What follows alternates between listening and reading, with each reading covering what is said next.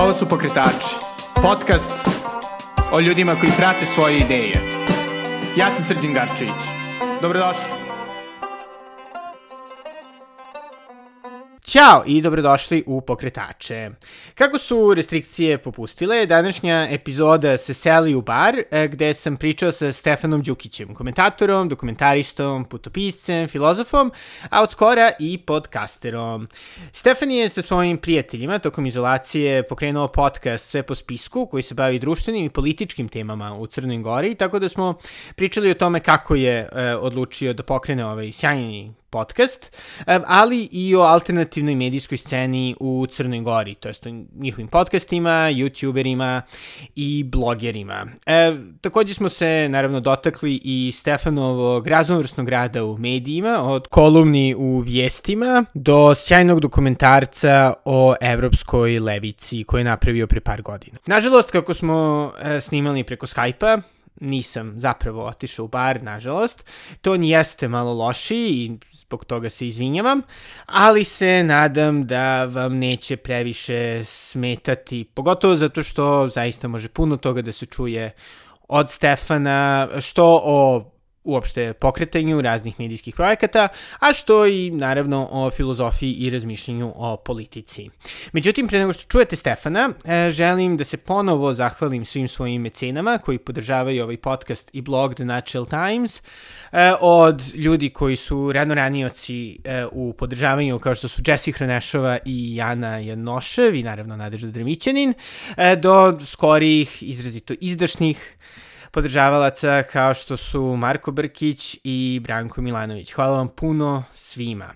Bez njihove podrške e, bi ovaj podcast nažalost morao da se okrene reklamama ili još gore institucionalnoj pomoći koja bi ne samo značilo da bi ih gubio vreme na dodatnoj birokratiji u raznim pisanjima projekata koji verovatno nigde ne bi došli, zato što, ne znam, prave ljude, već bi verovatno i uticali na slobodu ovoga podcasta. E, zato pored jednog velikog hvala, želim da vas sve pozovem da podržite nove glasove u regionalnoj e, medijskoj produkciji. Ne naravno samo mene, to je bilo naravno super i bio bih vam izrazito zahvalan, ali ako postoje ljudi koje slušate, koje volite da čitate, kao što je na primjer jeli Stefan, e, koga ćete uskoro čuti, razmislite kako biste mogli da ih podržite bilo jeli, delenjem njihovog sadržaja, bilo zapravo finansiranjem. Pogotovo zato što trenutno meni se čini da alternativna medijska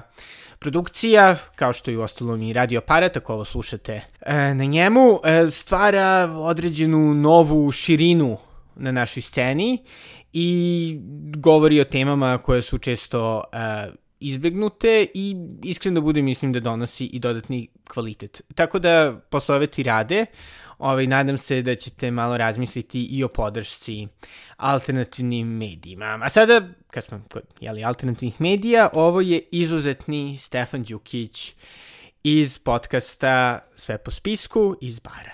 Stefane, ovaj, jedna od uh, prvih šala koje su uh, se desile tokom karantina, makar koje sam ja video, e, je bila kao ako ste muškarac preko 30 godina, molim vas nemojte da pravite podcast. Međutim, hvala Bogu, ti to nisi poslušao i ti zajedno svojim saradnicima si pokrenuo jedan sjajan podcast e, koji se zove Sve po spisku. Pa bi možda bilo cool ako bi mogao čisto slušalcima da objasniš ceo koncept i zapravo kako ste odlučili da to pravite u, u jeku pandemije. Pa, zanimljivo što si počeo te šale, zato što je meni baš stiglo od, od moje sestre, ona je zakačila baš tu šalu, specijalno mene tagujući, jesi li čuo Stefane Đukiću, e, nemoj to da radiš. Ovaj, e, prvo da iskoristim priliku, zapravo mi smo ušli ovako direktno u priču, ja samo da da te pozdravim, da ti se zahvalim što si me zvao u ovu emisiju, sviđa mi se njen naslov, sviđa mi se ranije epizode neke što sam poslušao i pozdravljam naravno tvoje slušalce. Što se tiče ovaj podcasta Sve po spisku, radi ga dakle, grupa prijatelja, mi se svi znamo, onako, upoznali smo se skoro svi online zbog nekih sličnih stavova, rasprava, dilema, čak eto igrom slučaja ja sam prije pet godina imao radio emisiju koja se zvala Glasno protiv negativnog i od ove stalne postavke, znači naš četvorice, dvojica, uključujući mene, dakle dvojica su bili kod mene gosti u toj emisiji tada, tako da negdje se poznajemo od ranije. I imali smo jednu e, grupu, ovaj, kažemo Viber grupu preko koje smo se nešto šalili, pričali i tako dalje. I neko je spomenuo, ja uopšte ne mogu sada, ideja je došla spontano, uh, ajde da probamo da napravimo jedan podcast, da razgovaramo o aktuelnostima, uh, dosta pratimo, znači svako ima nekog svog omiljenog uh, međunarodnog podcastera, recimo u mom slučaju Jimmy Dore, on je mi najviše prija, drugi imaju neke druge, nije ni važno. I jedan od, jedan od naših prijatelja nam je pokazao da to može da se uradi sasvim korektno, bez nekakve velike tehničke mudrosti. Dakle, koristimo ovaj Google Hangouts, tehnički ne izgleda nešto pretjerano sjajno, ali to zapravo nije ni važno. Ja mislim, ako umiješ da pričaš, ako umiješ da diskutuješ, ako imaš šta da ponudiš, nije važno na kraju kako to tehnički izgleda, to, odnosno to je potpuno sekundarno. Mislim da, iako je ta šala, nemojte slučajno da snimate podcast, ja mislim da je jako dobro što su ljudi počeli da se bave time, što svako pokušava da kreira neki svoj sadržaj, jer onda će nam fino, dakle, kažemo, slobodno tržište interneta, mislim, ja nisam neki baš uviđen u slobodno tržište, ali opet koliko je to moguće, nećemo gledati ono što nam se nameće, već ono što stvaramo i jedni druge ćemo podržati i doćemo, ja mislim, do kvalitetnijeg, kvalitetnijeg protoka informacija. Kako je, mislim, iskustvo sada, je tako, sad ste otprilike na um, nekoj desetoj emisiji, je li tako? Je li osjećaš da ste otprilike našli neki svoj glas ili se još uigravate? Ja mislim da se i dalje, da se i dalje uigravamo, iako nam ide ja bih rekao dosta dobro, ovaj, sinoć smo snimili 11. emisiju, prvo smo, prvih par epizoda smo se zaista tražili, dakle, nas da kažemo i nekoj šire grupe nas je bilo recimo sedmoro, pa smo se mijenjali, mijenjali smo se ulozi voditelja u, u temama, bavili smo se uglavnom aktuelnostima i tu se lutalo. Onda smo već počeli polako da negdje nalazimo svoj, uh, svoj cilj, uh, svako, svako emisiji sad imamo po jednog gosta, imamo znači neku jaču tematiku, dakle neku opštiju priču kroz koju onda provlačimo sve te aktuelnosti i čini mi se da je to neki put kojim ćemo ići i dalje. Ovaj, e, imali smo eto, sreću što nam je gost u pretprošloj, e, odnosno pred pretprošloj emisiji bio otac Gojko Perović, rektor Cetinske bogoslovije koji je dosta popularan u Crnoj Gori i onda samo znači njegovo poznavanje njegovog imena je dovelo dosta ljudi na naš podcast i oni su ostali. Tako da je to, to dosta dobro. I samim tim mislim da, da emisija ide u pravom, u pravom toku i da će tek posle ljeta zapravo da, da eksplodira onako kako bi mi željeli. Da, pa svakako se nadam. Jedna stvar koju sam ja zapravo našao tokom ovoga karantina je to što naravno, ovaj, M što kao, jeli, imaš više slušalaca, zato što po prirodi stvari, nažalost, ljudi su zarobljeni u kućama, a opet sa druge strane, ovaj, je isto dobro jer su ljudi dosta voljni da pričaju nekako ono kako, jeli, i sami gosti uh, su manje zauzeti i ovaj, onda nekako su voljni da, da pričaju, tako da da se svakako nadam da ćete da, ćete da iskoristite ove čudne vremena da, da dodatno porastete. Um, ali interesuje me uopšte, ovaj, pošto nažalost, mislim, u, u Beogradu nekako ono, redko se čuje šta se dešava ono recimo čak i u Novom Sadu, a a kamoli, jeli, bilo gde dalje, koliko postoji, kako izgleda ovaj, alternativna medijska scena u, u Crnoj Gori. Mislim, kao neinstitucionalni mediji, ali ima dosta ono, podcastera, youtubera i to, ili... Koliko, mislim, sada ja sam možda, pošto sam ja taj u 30. godina koji će da snima podcast, možda nisam o, dovoljno upoznat, na primjer, sa YouTube-om, sa YouTube scenom, Uh, mislim, priđu ti anegdotu prije šest mjeseci kada sam vidio negdje na, na Twitteru da se pominje baka prase, ja sam mislio da, da se ljudi šale sa crtanim Pepa Prasa iz nekog razloga. I tek su mi onda objasnili da je to zapravo najpopularniji ovaj, youtuber iz regiona. Što se Crne Gore tiče, tako ja baš ne znam.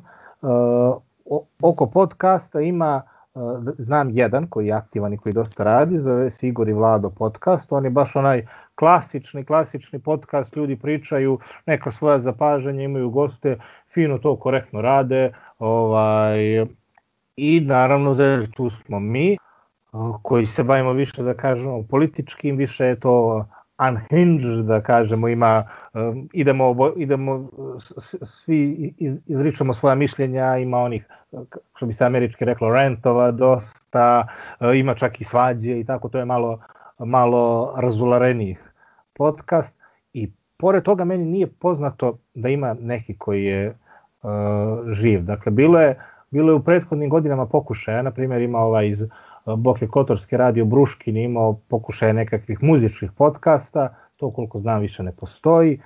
Postojao je radio, radio Skadarsko jezero koji imao razne zanimljive emisije, malte ne ono alternativni radio, ali i on se ugasio. Bila je ta emisija koju sam ja radio prije 5-6 godina, koja u koju sam uložio mnogo, mnogo više rada, na primjer, nego u ovaj podcast, ali nije bio toliko gledan i baš u razgovoru slušan zapravo o čemu se radi, ono jednostavno mislim da nije bilo vrijeme, iako prije pet, prije pet godine je već podcast bila potpuno normalna stvar. Ali čini se da je sad vrijeme i mislim da će i ovaj naš da pojača da će i drugi ljudi željeti da pokušaju da, da prave i da će toga, toga sve više i više da bude. Jer se kod nas i dalje ljudi oslanjaju na televiziju, oslanjaju se na internet medije koji su ovi klasični internet mediji, i generalno sve ide sporije. A mislim da to zapravo i znaš. Dakle, sve što krene u svijetu dođe u Srbiju i Hrvatsku sa par godina zakašnjenja, a onda BiH, Crnu Goru, Makedoniju i tako. Osim, samo da ne ostane, da ne ostane osim ovoga, recimo, kod nas ni blogovi nikad nisu zaživjeli. Dakle, blogovi se isto pišu na tim velikim medijima, kao što su na primjer vijesti, i eventualno ljudi koji pišu dugačke Facebook statuse. Dakle, ni blogovi nisu specijalno zaživjeli, ni ovi podcasti. Jedino što je zapravo stvarno jako je ova meme scena, jer i tu ima nekog, neke, to ne je neka vrsta alternativnog medija primetio sam pogotovo jeli, ove zime kako je ovaj, politička situacija bila još uzbuđenija, pa onda sam e, pratio malo više šta se dešava u Crnoj Gori i da, moram reći da su prilično prilično cool ovaj, na Twitteru ove, mimeri iz Crne Gore. E, ali isto me interesuje kao, pošto si jeli imao iskustva, mislim i dalje jeli, pišeš povremeno za vijesti, e, ali jeli radio si i na radiju Uh, imao si fantastičnu isto emisiju, ponovno malo što sam uspeo da, da pogledam, ali tako, protiv negativnog. Kako nalaziš tu razliku uopšte u samom procesu pravljenja emisije sada nasuprot, jeli, toj malo ipak ozbiljnijoj produkciji? Ključna razlika je što sada nisam sam. Mislim, tada smo to radili, uh, moj sadašnji klub Dragan Marović i ja, on je radio, da kažemo, taj neki montažerski dio i pomagao je kod tehnike, a ja sam radio sadržaj. I generalno, mislim, ja sam se tu trudio da se bavim, e, kažem, ozbiljnim temama, ali temama koje meni nisu najpoznatije. Dakle, ne znam, imalo je emisije, na primjer, o farmaciji.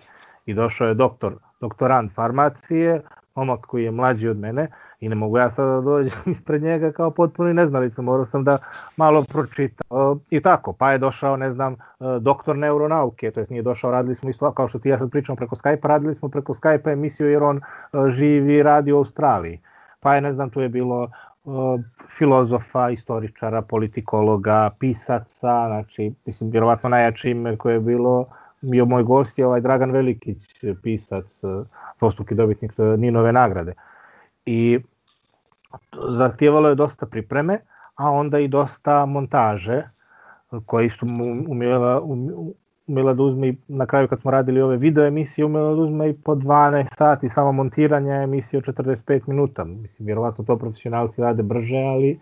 E, s druge strane, danas uh, dosta je lakše zato što, na primjer, sinoć smo radili emisiju s jednim istoričarem i ovaj moj saradnik na ovom podcastu, Tomaš Damjanović, je magistar istorije. I onda ja nemam tu problema, on, on pripremi. Onda imamo pravnika Mićuna Milatovića koji dosta oko tih pravnih stvari priprema. Imamo ekonomistu, imamo profesora na fakultetu, imamo sa strane koji ne učestvuju u podcastu, ali pomažu i čim je ta veća ekipa, veći trus mozgova, odmah je, odmah je mnogo lakše. A ulazi tu i ovaj montažerski dio, da smo u ovo ušli bez ika, smatrajući da je tehnika sekundarna i onda same montaže nema. Mi streamujemo, kupi se, kupi se video sa web kamera i onda YouTube to spakuje. Da, što, što zapravo, mislim ono i, i to je donekli moje iskustvo, da zapravo ako slušalci, ako želite da pravite ovaj, podcast, mislim osim ukoliko naravno nije za audiofile, nemojte da se plašite tehnologije i nemojte toliko da, pošto ja sam recimo najviše zentovao oko toga u početku, ali ovaj, onda posle, posle manje. Pa e, generalno sve te treba znati da e, svi ti programi, sve što treba da se radi, ako ćete samo audio pa ćete da radite ona kidanja zvuka, ne znam, Soundforge ili tako nečemu, to ništa nije teško. Ja nemam nikakvo formalno obrazovanje u kompjuterima, znači čovjek. Video produkcija takođe neka normalna, da trebaju vam dvije kamere, sad to može sve da se radi sa telefonima, ako želite da napravite znači, emisiju nalik na uh, intervju na televiziji, nije toliko teško, samo treba vrijeme da se posveti. Samo znanje je vrlo dostižno. Da, da. Ali ono što, što je zapravo super, što zaista stvari koje ti radiš nekako ono dosta meni makar izdiže iznad proseka, bilo da, da ovaj, snimaš, bilo da pišeš, je to zato što e, nekako dosta tvojih komentara i tvoga pristupa je malo onako meta, mislim uglavnom je li meta politički, nije, e, u, mislim ne možda u filozofskoj, ali ispravnom e, smislu te reči, nego više da nekako se ono ne bavi dnevnom politikom, znači ne bavi se toliko konkretnim ljudima, što je nažalost, ili partijama, što je nažalost, ovaj, čini mi se, glavna stvar u većini našeg ovaj, komentarijata u Srbiji, Crnoj Gori, verovatno celom regionu, već neko se bavi idejama. E, kako nalaziš da, da ljudi reaguju na, na taj tip argumenta, koji ipak nisu ono prvo loptaški? Pa, ovaj, ja ja bih što se toga tiče, dugo, dugo sam tražio način kako najbolje da, da to izrazim, jer dugo pišem, mislim, ja sam blog počeo svoj 2007. godine, da kažemo da je od njega to počelo, znači dok je još bilo aktuelno oni blogspot.com, mislim da je to isto zapravo bio Google servis, ovaj, pa sam onda prešao posle toga na WordPress. E, ja, ja sam naj, najbolji način za to našao kroz ove uh, putopisne kolumne. Uh, dakle, od 2018. do nedavno, sad sam na nekoj pauzi, uh, sam pisao dvonedeljnu kolumnu između polova, gdje sam se bavio znači, mjestima na kojima sam bio, putovanjima, ali sam se trudio da to povežem sa nekom još dodatnom temom koju smatram interesantnom i bitnom. I onda je to imalo jedan dobar huk, tako da kažem. Dakle, svakome je prijatno da pročita mm, ne znam, nešto o ili o nekim poznatim mjestima, ne znam, Pragu, Beču, Parizu, ili o nekim neobičnim mjestima, Sao Paulu, Beirutu, ne znam, Krimu, i onda, dakle, oni već ulaze u taj tekst i onda im se kroz nju ponudi još neko dodatno razmišljanje o nekoj možda političkoj teoriji, o umjetnosti, o muzici, o filozofiji i to, to sam vidio kao jedan dobar metod. Sad upravo uh, prikupljam te, te tekstove i planiram da ih izdam u okviru jedne knjige. Nadam se da će, da će imati neku, neku svrhu i, nek, i da će imati svoje, svoje čitavce. Ja se svakako nadam kako si ovaj dosta dugo u svemu ovome. Da li ti se čini da je nekako i kod nas ovaj Twitter ili ajde društveni mediji uopšte da su ovaj nekako više naterali ljude da da još budu više u tom nekom ono hot take fazonu, znači prvo loptaške analize, pompezne stvari, a nekako da, da ima manje, zapravo još manje prostora za neku možda, da kažem, balansiraniju ili svakako informisaniju debatu? Pa ne znam, to je, ja mislim da je to privlačan jedan argument da je tako, ali nisam siguran koliko je tačan, zato što ne mislim da je ta debata ranije bila na nekom specijalnom nivou. Dakle, ja sam, kad sam studirao, dosta sam čitao, znači osim ovaj, knjiga za, za fakultet, sam se trudio da čitam novine, kolumne su mi uvijek bile interesantne. I osim onih, da kažemo, velikih kolumnista koji su i tada bili veliki tipa ne, Bogdan Tirnanić ili tako nešto, ja nisam primitio do danas da ima sada nekih, da su se pojavili neki novi uh, kvalitetni kolumnisti u novinama. Dok s druge strane ima kvalitetnih ljudi koji pišu svoje, uh, svoje tekstove, svoje, svoje shvatanja, samo ih je malo teže naći. Uh, I samim ti, ali oni s druge strane, da nije došlo do ovog širenja interneta, njih ne bi bilo nigdje.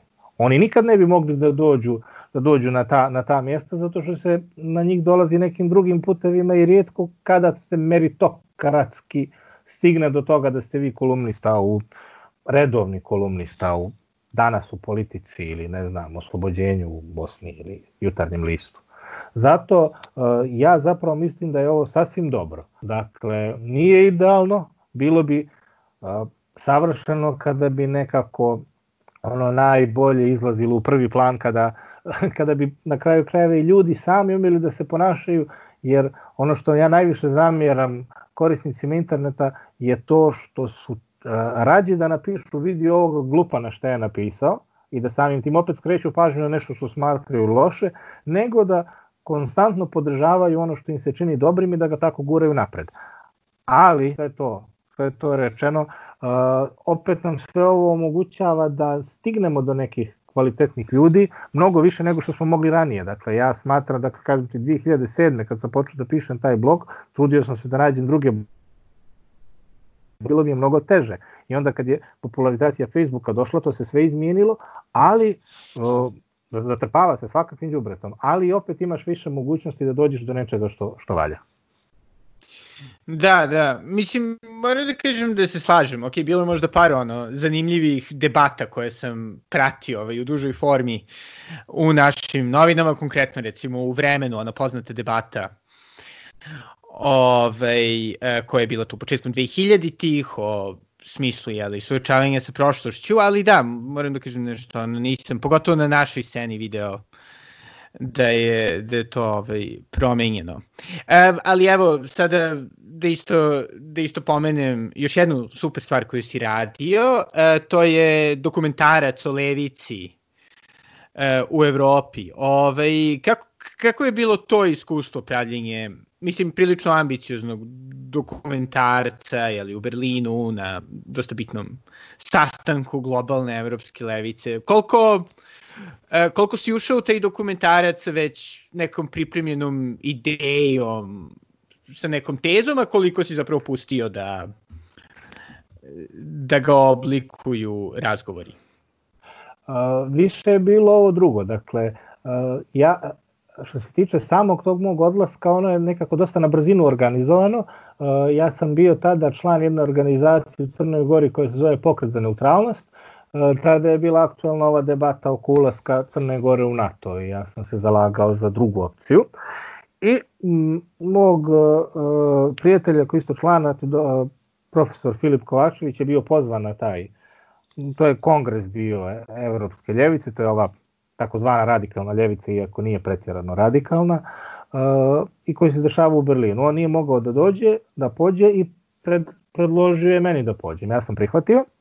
Uh, i kada je stigla kada je stigao spisak svih, svih koji će biti tamo, palo mi je na pamet, dakle tada sam ja već završio bio, dakle ova, ova moja misija glasom protiv negativnog je bila skinuta s programa e, određenim političkim pritiscima i onda sam e, htio da radim nešto novo.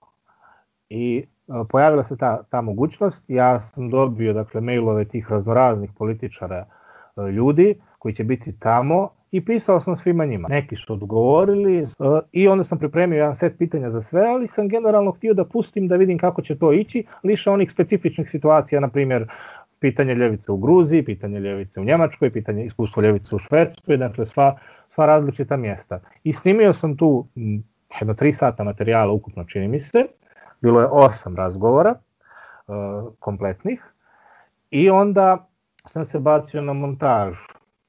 Uh, dosta mi je oko toga pomogao crnogorski režiser Nemanja Bečanović koji je iz toga uh, ipak dosta štapom i kanapom snimljeno jer ja sam imao dakle, jednu malu HD kameru, imao sam mali stativ i imao sam ljude koji su imali vremena u određenim trenucima, onda smo se mi snalazili u toj velikoj kongresnoj sali, ajde snimamo sada ovdje, ajde snimamo ondje. I tako smo napravili, napravili smo taj, ličilo je jeli, na nešto, plus sam ja posle toga snimio tri, uh, tri uvodna dijela koja su snimana oko fabrike Radoje, rasturene fabrike Radoje Dakić, koju ste možda vidjeli, bila je sjajna, mislim, najbolja fotografija po meni svih vremena, bager proizveden u, u fabrici Radoje Dakić koji ruši fabriku Radoje Dakić.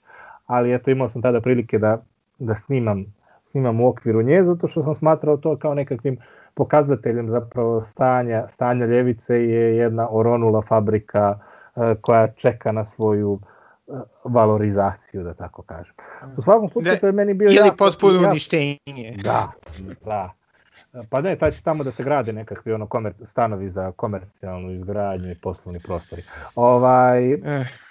Hoću da kažem, meni je taj projekat bio jako interesantan. Ja sam, eh, kad sam bio eh, srednjoškolac, želio da se bavim režijom i onda mi je ovo dalo, dalo šansu eto, da, i to, da i to odradim. Plus sam eto imao neke prilike do ljude da čujem njihove, njihove ideje. Ja sam htio da odradim jedan dokumentarac gdje će ljudi iz ljevice reći svojim riječima šta misle. Dakle, nisam, nisam htio da budem ni na koji način uh, protivnički nastrojen prema njima, niti nego da dam njima priliku da se predstave svojim riječima i da ljudi koji to gledaju onda vide. Uh, kada je dokumentarac snimljen, on je emitovan na televiziji Vijesti u Crnoj Gori uh, i imali smo pet uh, pet debata, dakle dvije u Podgorici, jednu u Nikšiću, jednu na Cetinju i jednu u Baru, gdje su, što je meni bilo jako drago, bile su jako posjećene i napravila se prilično dobra debata oko toga šta ljevica jeste, jer to je jedno pitanje koje u Crnoj Gori prilično u main, političkom mainstreamu nejasno i nepoznato, a bog me nije daleko ni u Srbiji, Hrvatskoj i ostalim državama ovoga takozvanog regiona. Mm, da, eufemizovanog regiona. da, da, da, da, pa, bivše Jugoslavije, da kažemo, vrlo mm, Da, da. Rekao si, ali da, da si hteo da studiraš režiju, na kraju si završio filozofiju, pa me čisto interesuje koliko misliš da je ovaj, da te je oblikovalo studiranje filozofije u, u tvom, u tvojim budućim uh, podvizima i, i ovaj, medijskom radu ili pisanju? Pa mislim da je to ovaj, ključna stvar koja se meni desila i ključna stvar koja je uticala na, na moj razvoj u tom, u tom stilu, zato što filozofiju ne možete da studirate kao, mislim, besmisleno je da je studirate kao što bi studirali neku praktičnu nauku, dakle, studirati filozofiju kao što bi možda studirali softverski inženjering je besmislica, zato što od nje nećete imati para.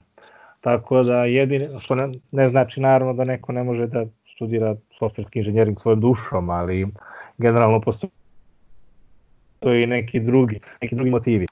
Ja sam jako, jako srećan što sam odabrao taj put, a ne neki drugi i mislim da je uticalo, da je me poslalo na jedan put koji mi je donio dosta toga dobrog. Ovaj, ne mogu nikome da ne predložim da, da se upusti u tako nešto zato što vjerujem, naravno, vjerujem da filozofija od nekoga može da učini goreg čovjeka, ali da ga može učiniti i boljim. Sve zavisi uh, biti dalje. Ono što je mene svakako naučila u uh, nastupu je da sve, da ništa ne može da se prihvata zdravo za gotovo u smislu da uvijek treba svaki problem sagledati u srži. I mislim da je naš problem, ako govorimo dakle, o političkom trenutku, upravo u tome što mi ne vidimo dakle, suštine problema, nego idemo, sad opet se vraćamo na ono što si ti pitao ranije, idemo dosta prvo loptaški i ne razmišljamo zapravo šta je, šta je bilo prije.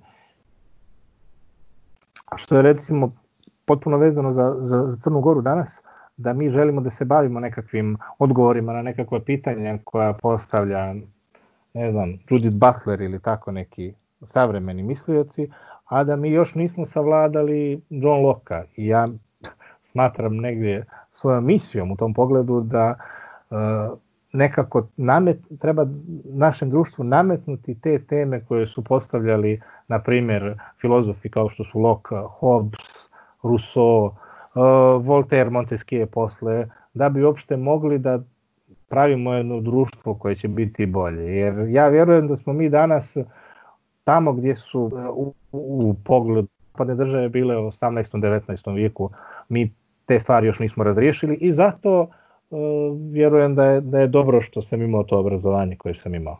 Mada doduše, iskreno da budemo na meni deluje da, pogotovo ako se recimo prati levica uh, i njen razvoj, to je nažalost pad uh, ovaj, u proteklih par godina, svakako decenija, to je da zapravo dosta fundamentalnih pitanja nije odgovoreno, naravno niti će ikad moći da budu konačno odgovorena, ali svakako da se ponovo otvaraju u proteklih par godina i na zapadu, mislim i u dosta ono etabliranijim e, društvima, tako da možda, možda je to neki globalni ovaj, fenomen.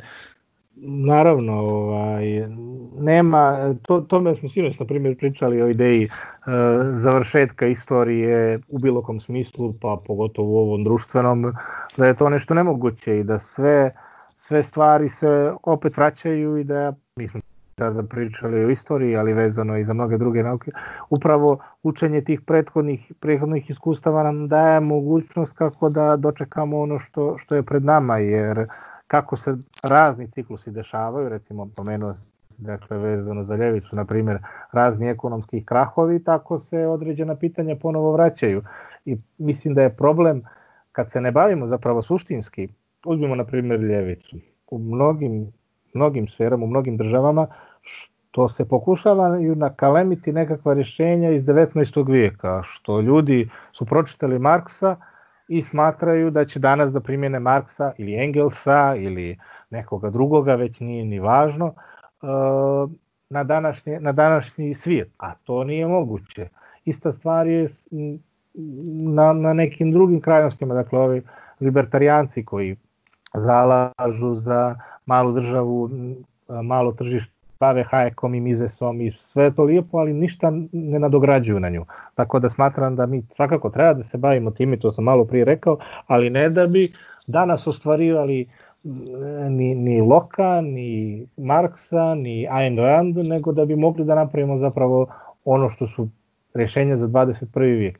I negdje, da se vratimo nazad, ma ja možda malo previše širim, ali nadam se da, da mi neće zamjeriti ni ti, ni tvoji slušalci, ovaj, i onda sve to što ja radim je zapravo želja da se ljudi potaknu na to da razmišljaju o tim problemima, da iskrenem pažnju na te probleme i da onda sami uzmu da se obrazuju. Dakle, da vide da pročitaju nešto, na primjer, i kažu, aha, vidiš, ja o ovome nisam razmišljao ili razmišljao sam, ali mislio sam da to nije bitno, a zapravo je bitno i onda ću da uzmem pa ću pročitati neku knjigu ili ću povesti diskusiju o tome sa nekim drugim pa ću saznati i samim tim ćemo tako da pravo uh, društvo učiniti boljim. Jer ne može jedan podcast da spasi svijet, ali ako namećemo teme koje su bitne van ovih uh, površnih tema koje nam se najčešće serviraju iz uh, tradicionalnih medija, time ćemo moći da, da popravimo i sadržaj dostupan i generalno shvatanje ljudi.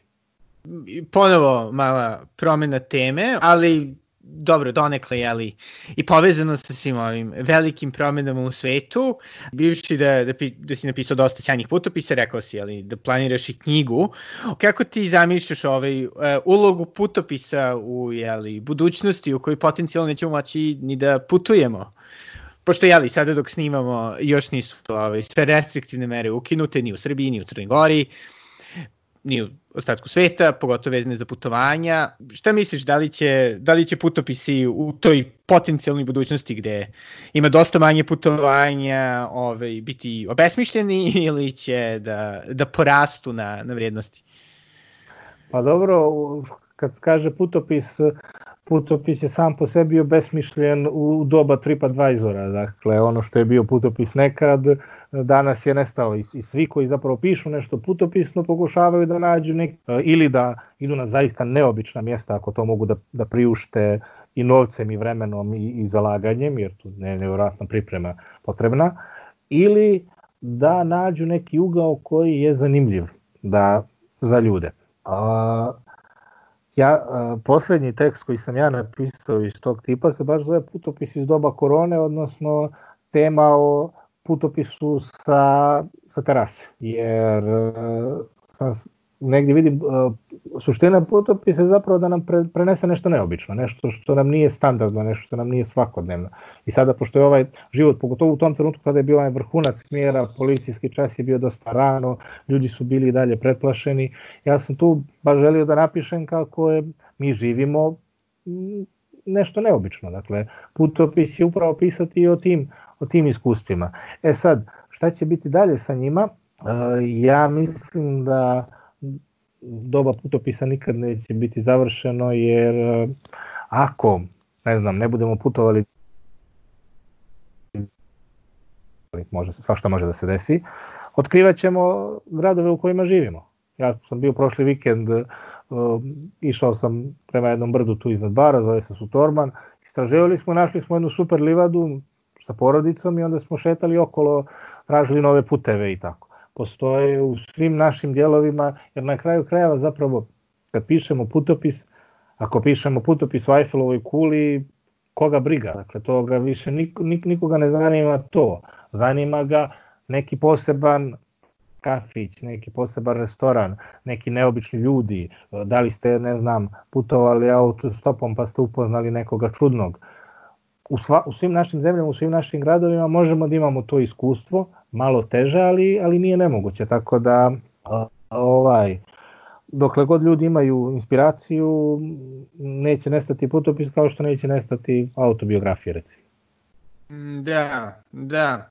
Da svakako je jedna stvar ovaj, koju, o kojoj sam dosta razmišljao tokom ovih dana je baš to koliko je na neki način u proteklih deceniju, verovatno i duže, ovaj, baš agresivno bila gura na ta ideja toga da je onaj, jedan od užasno bitnih načina za samo aktualizaciju da se ode negde daleko. I, mislim, to je bila svako ideja koju sam ja vrlo ovaj, lako prihvatao i mislim ono, dosta sam putovao i uvek sam se jeli nadao da, da je ono, samo ako odem u Indiju, tamo ću naći, nemam pojma, jedan aspekt svoje ličnosti, ako odem, ne znam, u Japan, drugi i to. Međutim, zanimljivo je sada da taj lek putovanjem, koji mi se čini da se dosta prodavao, više ne postoji. Ove, ovaj, kad si ti putovao, jel si ti imao tu da kažem e, taj možda odnos prema putovanjima neke kao, putovanja kao samo aktualizacija ili to nije baš bio neki bitan aspekt? Pa e, nisam siguran da li sam e, nikad išta saznao o sebi, tako da kažem, ali mislim da sam dosta saznao o drugim ljudima i da sam dosta uh, ovaj, u, nikad, nikad nisam imao nikakvo otkrovenje, hoću da kažem, u tom pogledu. Čak ni ovaj, mislim, najbolje, najbolje putovanje u mom životu smo, je moja supruga i ja smo odlučili da od svadbe potrošimo sav novac tako što ćemo ući u kola i voziti pa dokle stignemo. I išli smo po Evropi jedno nekih mjesec dana, malo više od mjesec dana, stigli smo do, do Bretanje, znači u Francuskoj do Atlantskog okeana, dakle iz Bara, pa smo se vratili dolje do Barcelone, pa smo onda obišli cijelu Azurnu obalu i, i, i Italiju sve do nazad do Barija. Tako da taj put na primjer bio mnogo interesantan meni jer je bio dosta je bio naporan. Na vožnja od po 500-600 km na svaka dva dana nije baš, nije baš posebno laka, ali ono što ono što smo možda otkrili, osim da kažemo jedne druge, nisam, nisam imao, ne mogu kažem da sam imao takvo otkrovenje kao ono, ne znam, Beatlesi će da odu u Indiju i tamo će da ih neko prosvjetli ili, jer pravo da ti kažem i ne vjerujem u to, ne vjerujem da je, možda sam ja u pitanju, ali, a možda je do drugih ljudi, ne vjerujem da je to zapravo moguće, jer sve te stvari, vjerovatno, ne, ne treba niko drugi da te, da te prosvetli, sve to stoji u tebi.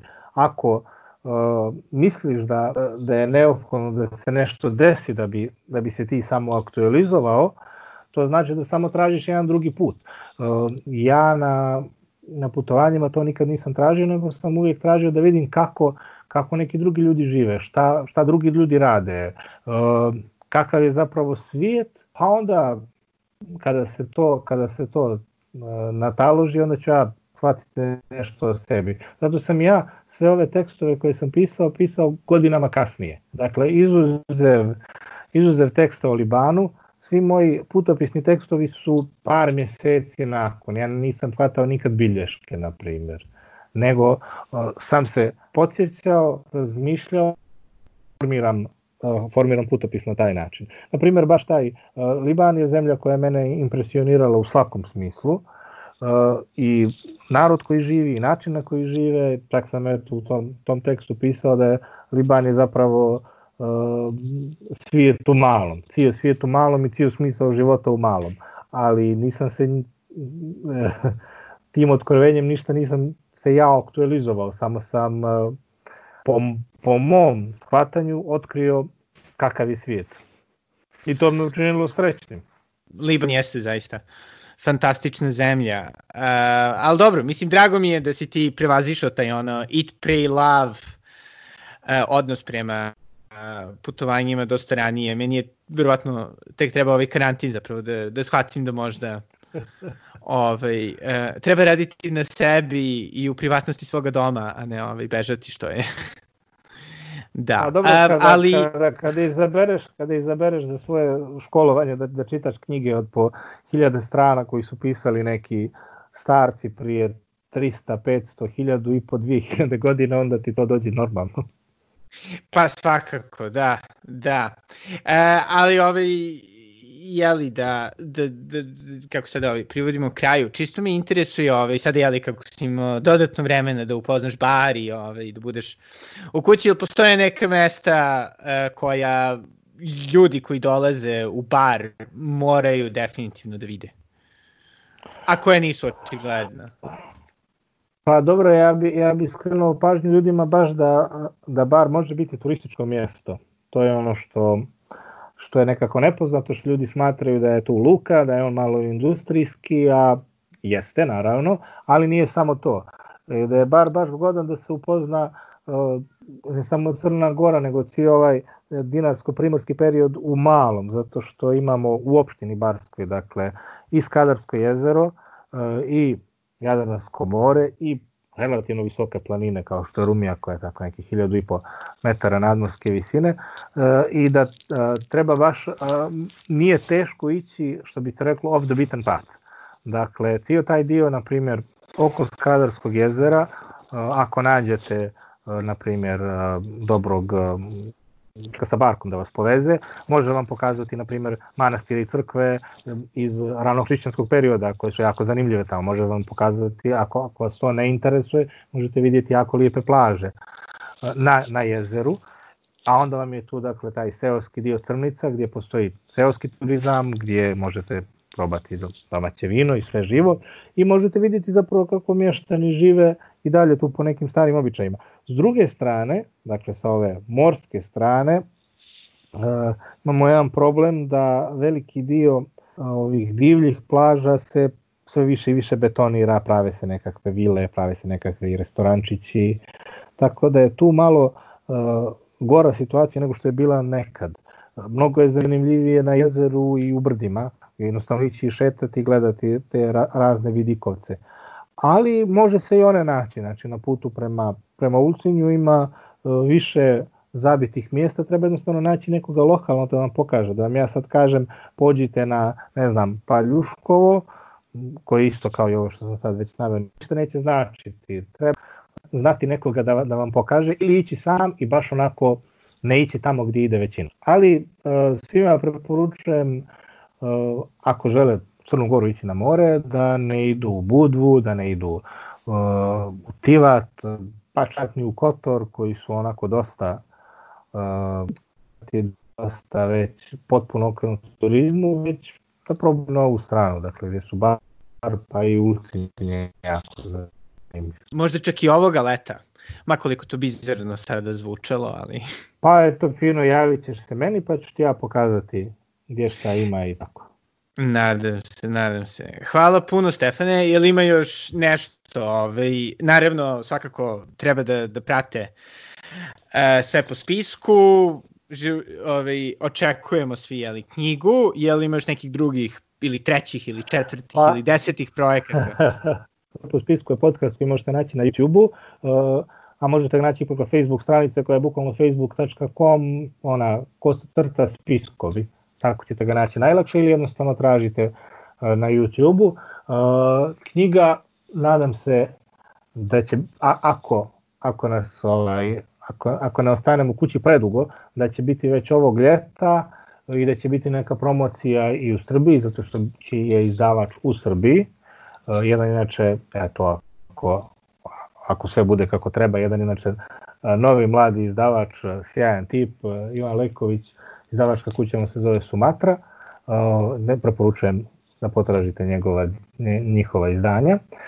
Osim toga, trenutno ništa, Uh, mislim da je dovoljno od mene, jer pored svega ovoga imam i standardni posao koji nema nikakve veze sa ovim stvarima, a ono što želim, kažem, svima da preporučim, da da probate u bilo čemu što mislite da stvarate, probajte. Dakle, možda niste za to, možda niste za podcast, možda niste za blog, možda niste za, za taj kreativnu stvar, ali to nećete znati dok, dok ne vidite sami kako to ide. Na kraju krajeva kada probate znaćete bolje šta zapravo vi tražite, kakav sadržaj vi želite da vidite i kakav sadržaj bi voljeli da postoji.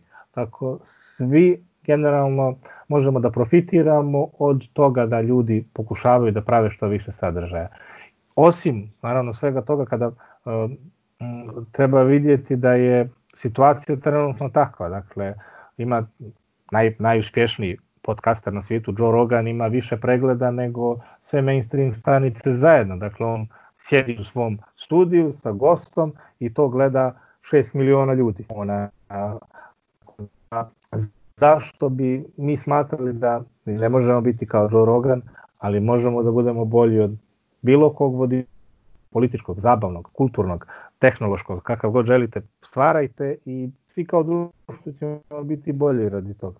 Želio bih samo još da, da iskoristim priliku, eto, ljudi često pitaju šta, šta da čitaju, ako žele da čitaju nešto od filozofije, pa želio bih samo i to da, da preporučim. Ono što je čitljivo, a što bi bilo moglo biti interesantno, preporučujem ako vas interesuje filozofija, ne možete naravno odmah da krenete pa da čitate kritiku čistog uma, niti bi to bilo svrsishodno, pre, preporučujem recimo svima da nađete jedan lijepi esej Sartra koji se zove ovaj, egzistencijalizam i humanizam. Uh, preporučujem da pročitate nešto od, Platon, od Platonovih dijaloga, recimo Fedon ili Gozbu. I uh, preporučujem nešto iz, uh, dobro da kažemo, srednjeg, srednjeg doba, dakle doba racionalizma, uh, da li Pascalove misli ili recimo ono što svima koji žele da se bave, da razmatraju političku teoriju, da čitaju Rusovov društveni ugovor. Što se tiče podcasta, pomenuo si ovaj Jimmy Adora, koji je super, ja ga isto dosta volim, ali postoji još nešto od stranih ovaj, koje bi preporučio, da ste se baš svideli. Nisam, nisam dovoljno puno ni tražio jer sa znači, Jimmy Dore i Joe Rogan ispunjavaju moje, moje potrebe. Tako da, ovaj, jer, jer snimaju emisiju od po sat, dva, tri i onda sasvim mm. dovoljno. E, I Evi ti definitivno preporučio, ovaj, pogotovo uh, obzirom na, na tvoje interesovanje vezano za levicu, ovaj, What's Left, sada sam baš krenuo da ga slušam, je dosta zanimljiv. Kao isto, ne znam, meni je Red Scare fantastičan. To su one djevojke dvije, tako? Da. tako? Jeste, jeste, jeste. Tako da ovaj, ima, ima puno toga. I to je bio Stefan Đukić. Nadam se da ćete poslušati sve po spisku i glasom protiv negativnog i pročitati njegove super putopise.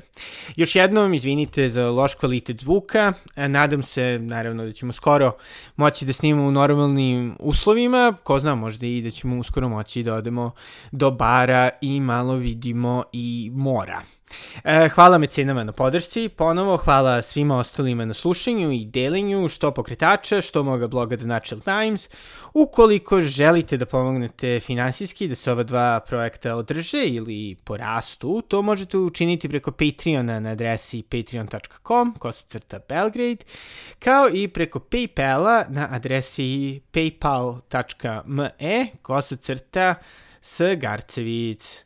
Do sledećeg slušanja, Do widzenia.